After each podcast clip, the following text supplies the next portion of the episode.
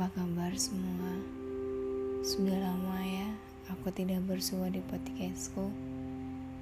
Di cerita perjalanan hidupku Aku ungsikan kurang lebih empat bulan lamanya. Bukan tak sempat Untuk bisa bersua. Ternyata bibirku belum siap untuk bisa menyuarakan apa aja yang terjadi kemarin. Dan hari ini, aku memberanikan diriku untuk bisa bersua kembali di cerita perjalanan hidupku.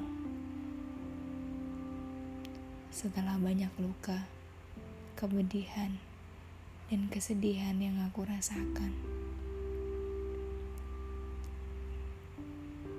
Dan aku bangga kepada diriku masih bertahan sampai sekarang dengan kedua kakiku, kedua tanganku, kedua telingaku, kedua mataku, dan satu hatiku.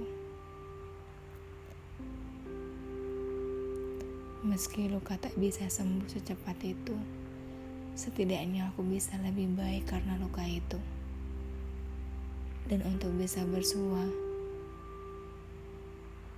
di cerita perjalanan hidupku kali ini. Rasanya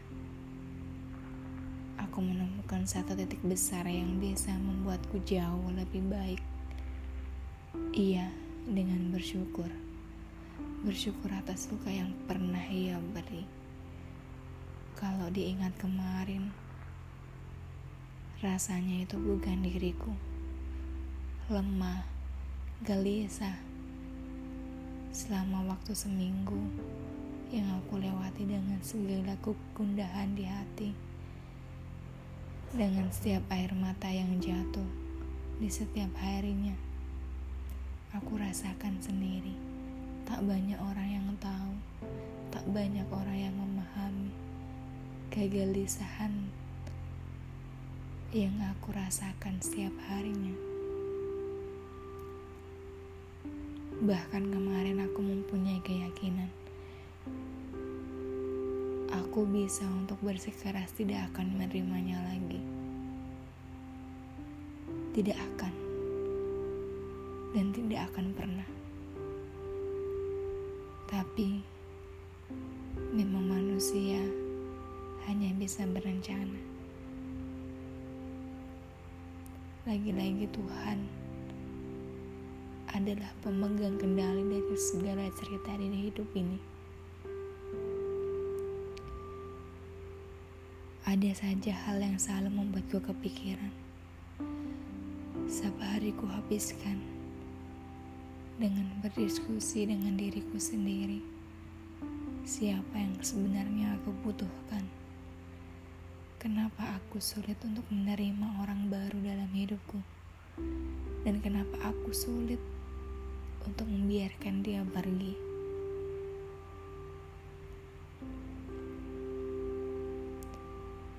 Hari demi hari aku lewati untuk menemukan sebuah pertanyaan yang selalu muncul di hati. Tak berniat untuk jauh dari pemberi rasa. Yang bisa aku lakukan hanya berdoa meminta petunjuknya agar didekatkan dengan seseorang yang memang ditakdirkan untukku yang sebenarnya aku butuhkan bukan yang aku inginkan.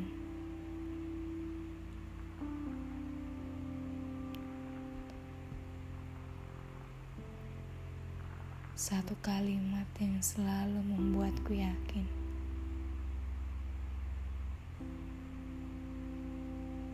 bahwa tidak ada suatu hal yang kebetulan di dunia ini. Tuhan adalah penulis skenario terbaik bagi hambanya. Maka dari itu, kecuali bersyukur aku bisa apa untuk kisah ini.